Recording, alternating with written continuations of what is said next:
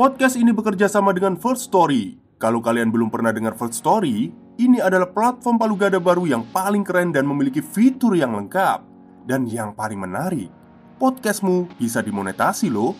Tunggu apa lagi?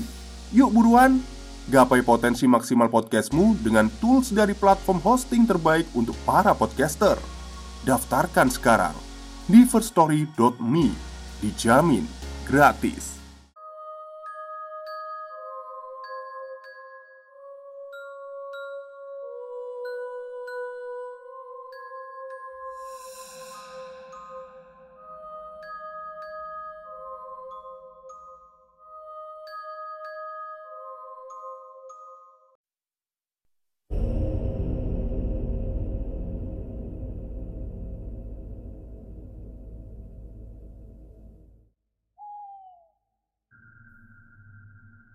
Assalamualaikum warahmatullahi wabarakatuh. Halo semuanya.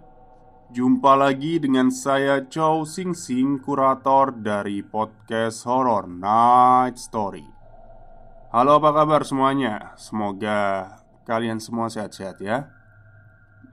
Dan seperti biasanya pada hari ini saya kembali dan akan membawakan sebuah kisah mistis untuk kalian semua Kisah mistis kali ini saya datangkan dari treat horornya Mas Freddy Spare Yang menceritakan tentang sebuah sungai Yang ternyata sungai itu memiliki penghuni di dalamnya. Oke daripada kita berlama-lama ya Mari kita simak ceritanya. Sebuah kisah anak yang menjadi korban di sebuah sungai. Makhluk yang ada di dalamnya sempat tak ingin melepaskan tubuh bocah itu. Kisah ini kebetulan saya alami sendiri. Narasumber ada lebih dari tiga orang. Semua saya rangkai menjadi satu cerita. Beberapa nama akan saya samarkan, termasuk lokasi, untuk memberi rasa nyaman kepada semuanya. Bismillah. 2015 Warga di pesisir kampung Pucuk. Di pesisir timur ramai sore itu. Seorang anak berusia 12 tahun bernama Danang Dikabarkan hanyut dan tak diketemukan. Tiga anak yang bermain bersama Danang yaitu Eko, Joko, dan Dian langsung lari menemui kepala kampung. Begitu teman mereka tak kunjung keluar dari air. Kejadiannya, siang itu keempat anak yang sama-sama masih duduk di kelas 6 SD tengah bermain bola di tepi pantai. Saat asyik bermain, bola yang mereka gunakan terlempar jauh sampai ke sungai Kalimayit. Keempatnya langsung berusaha untuk mengambil bola itu. Danang dan Joko langsung menceburkan dirinya ke sungai yang dalamnya setinggi pusar orang dewasa. Danang yang pertama meraih bola itu langsung melemparkannya kepada Joko. Joko lalu melemparkan bola itu ke kedua orang temannya yang sudah menunggu ke tepian. Saat akan berusaha kembali ke pinggir, Danang merasa tanah yang diinjaknya seolah menyedotnya. Danang pun berteriak, meminta bantuan Joko yang ada di dekatnya. Lulu, Jok, tanahnya gerak, Jok. Tolong aku, Jok, kata Danang sambil berusaha menggapai tangan Joko. Joko yang sudah hampir mencapai pinggir kembali masuk ke tengah sungai. Tapi tubuh Danang seperti tersedot. Dia semakin ke tengah, lalu mendadak entah dari mana asalnya. Air sungai mendadak naik. Joko pun bingung antara ke tengah menyusul Danang atau menyelamatkan dirinya. Akhirnya Joko memilih kembali ke pinggir dia sempat melihat tangan Danang melambai-lambai dua kali sebelum akhirnya kepalanya ikut hilang bersama dengan arus sungai. Ketiga anak yang bingung itu sempat berusaha memanggil-manggil Danang dari tepian sungai. Mereka mengikuti alur sungai yang berbatasan langsung dengan laut. Anehnya, tubuh Danang tak nampak sama sekali. Setelah itu, air juga mulai surut. "Ayo, lapor aja ke Pak Pur," kata Eko. Akhirnya mereka bertiga pergi ke rumah Pak Purwanto, kepala kampung Pucuk. Ketiga anak itu menceritakan kejadian yang mereka alami ke Pak Purwanto. Dalam waktu singkat, akhirnya tersebar tentang hilangnya Danang ke seluruh kampung. Puluhan pemuda langsung menyisir Kalimayit Pak Purwanto memilih pergi ke pos polisi air yang tak jauh dari pesisir. Pencarian pun langsung dilakukan sore itu juga. Para nelayan dari kampung Pucuk juga ikut mengerahkan perahu-perahu mereka untuk mencari keberadaan Danang. Tapi sampai selepas maghrib, pencarian masih nihil polisi air yang bertugas sempat mendapatkan celana pendek dan sandal jepit milik Danang. Itu pun mereka dapatkan di pinggiran sungai karena sebelum masuk ke air mengambil bola, Danang melepas celana dan sandalnya. Pukul 8 malam, semua pencarian dihentikan dan rencananya akan dilanjutkan esok harinya. Meski pencarian dihentikan, ada beberapa warga yang masih berada di sekitaran sungai. Mereka menyalakan petromak dan lampu aki untuk menerka-nerka ke mana kira-kira Danang atau jasadnya berada. Di tempat lain, di pos polisi air, malam itu ada Bribtu Suparman yang sedang berjaga. Pria itu salah satu senior yang cukup lama menjadi penjaga air. Bribtu Suparman jaga piket malam waktu itu, ditemani kopi dan pisang goreng. Saat hendak ke kamar mandi, tiba-tiba saja Suparman mendengar ada suara anak kecil yang menangis dari dalam ruang tahanan. Suparman mengira Suara itu berasal dari maling atau penjahat yang ditangkap sore atau siang tadi. Dia pun mengendap melirik ke dalam sel. Akan tetapi, tidak ada apa-apa di sana.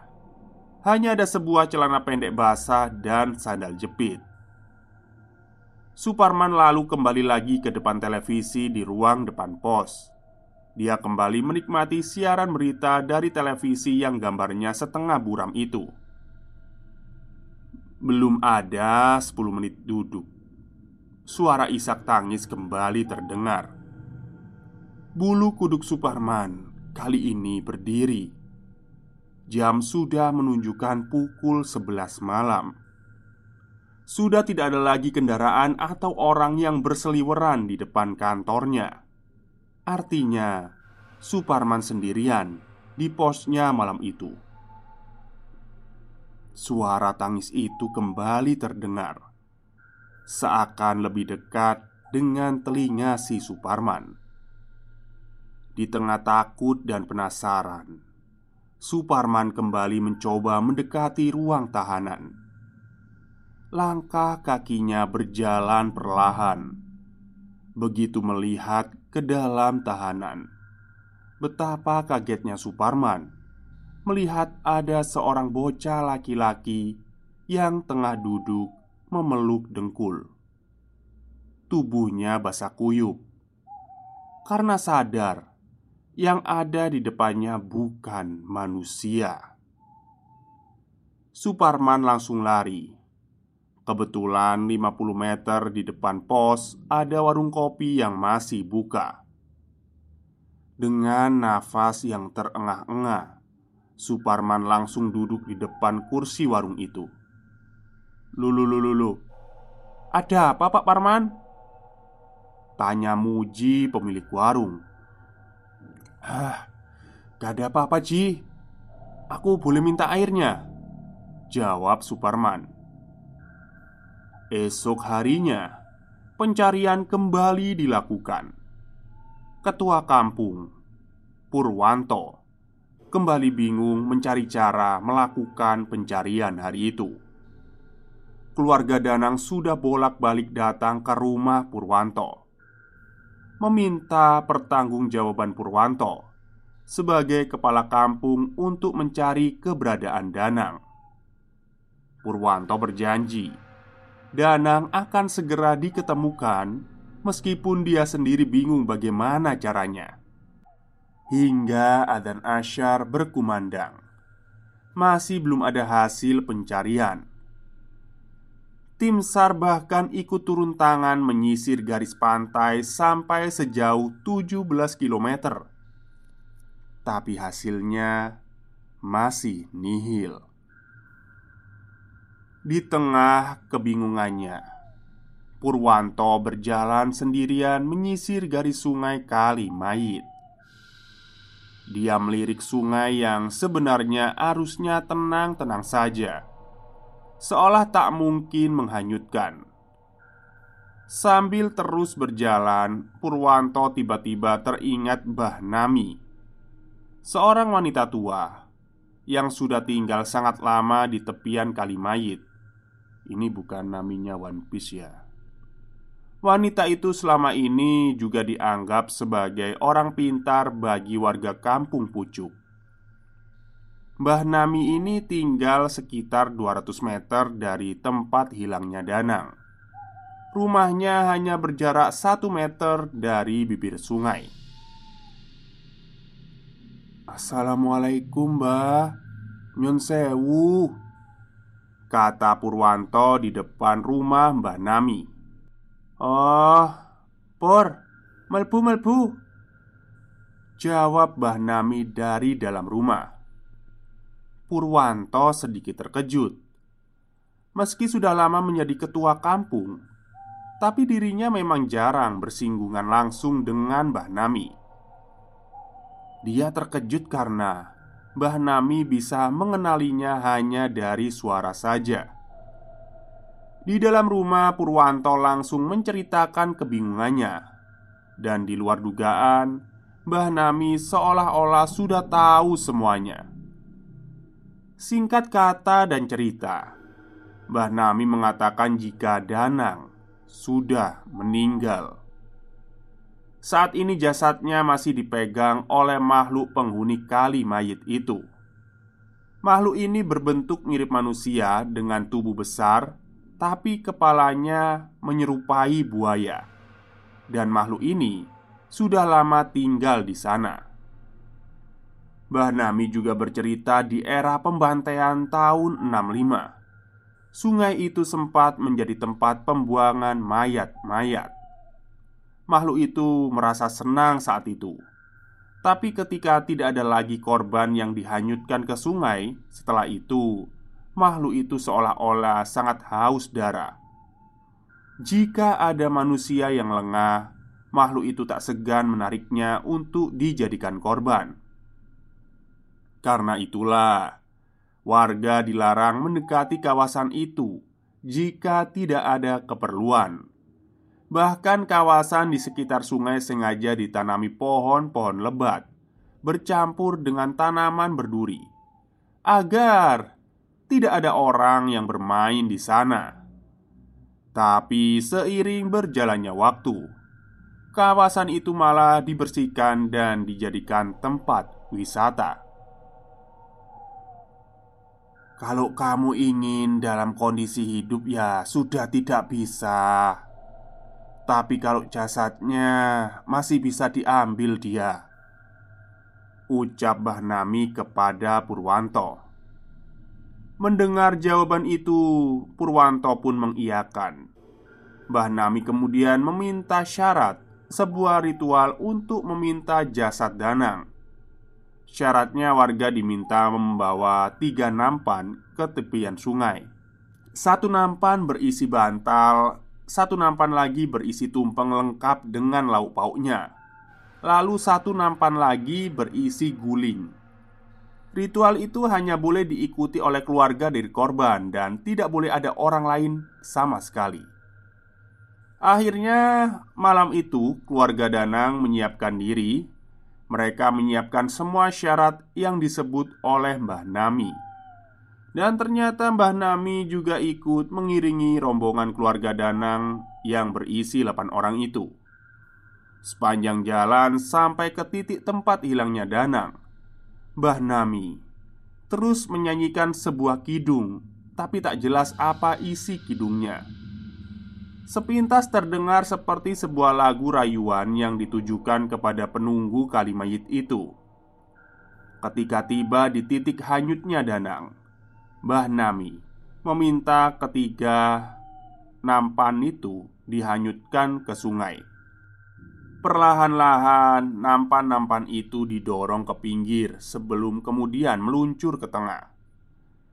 Sesampainya di tengah, tiga nampan itu seolah berputar, lalu tiba-tiba muncul gelombang kecil yang membalikkan semua isi nampan. Anehnya, nampan yang muncul dari gelombang keluar itu dalam keadaan kosong, padahal harusnya ada bantal dan guling yang ikut terapung di atas air. Wes, dinteni ae. Besok Danang udah pulang kok. Kata Mbak Nami kepada keluarga Danang. Malam itu semuanya kembali pulang dan tidak ada pencarian lagi seperti hari pertama. Keluarga menunggu kabar sesuai dengan apa yang dikatakan oleh Mbah Nami.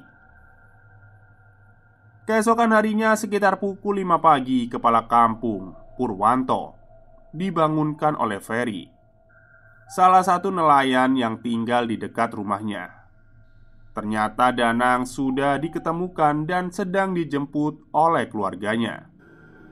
Purwanto yang tak sabar langsung menyusul keluarga Danang. Ternyata Danang ditemukan sekitar 2 km dari pesisir dekat sungai Kalimayit Yang menemukannya adalah seorang nelayan tua yang baru saja berangkat melaut. Dia kaget karena lambung perahunya seolah ditabrak dari beberapa sisi Dan saat diperiksa ternyata yang menabrak adalah jasad seorang anak laki-laki Tubuhnya hanya mengenakan celana dalam dalam posisi telungkup. Saat ditemukan, jenazah itu seolah minta diantarkan pulang. Nelayan itu pun langsung mengangkat tubuh Danang ke atas perahunya, lalu membawanya ke daratan. Pagi itu, Danang pulang kembali ke rumahnya sesuai dengan janji Mbah Nami. Selesai. Oke, itu adalah cerita singkat dari Mas Freddy Spire tentang sebuah uh, kali ya yang memakan korban. Untuk makhluk seperti itu, kalau di tempat saya itu namanya bajul kroman gitu ya. Jadi kayak buaya tapi jadi-jadian gitu, kayak siluman gitu. Dan di tahun 2000 itu masih ada itu Zaman saya kecil itu Kalau lagi main di pinggir sungai itu nggak boleh sama bapak saya, ayah saya itu Katanya ya udahlah ada bajul kroman, buaya kroman Tapi gampang sih untuk untuk tahu kalau dia itu siluman atau bukan. Karena kalau di desa saya ya, dia itu kadang-kadang itu kalau malam gitu ya Jam-jam 10 itu keluar dari air Dan menyerupai seorang manusia. Ganteng gitu. Katanya yang pernah lihat nih, ganteng banget lah. Nah, itu ciri-cirinya kalau kita pengen tahu dia itu manusia atau bukan. Ini kan di hidungnya kita itu uh, ada apa sih jalan angin ya Di bibir bagian atas ini kan ada lengkukan itu. Nah, kalau dia siluman, maksudnya buaya kroman itu tadi, siluman buaya itu tadi, ininya nggak ada lengkukannya bibir itu, jadi kayak rata lah intinya. Dan seorang eh, penjaga warkop di desa saya itu yang kebetulan warungnya dekat dengan sungai itu pernah dihampiri oleh siluman itu. Pesen teh anget sih dia. Dan kemudian ya udahlah pergi gitu aja. Oke, mungkin itu saja cerita singkat untuk hari ini. Semoga kalian semua suka dengan cerita ini. Silakan follow Twitternya Mas Freddy Spare bagi yang pingin denger-denger atau pingin baca-baca ceritanya. Oke, mungkin itu saja yang bisa saya sampaikan. Tetap sehat. Wassalamualaikum warahmatullahi wabarakatuh.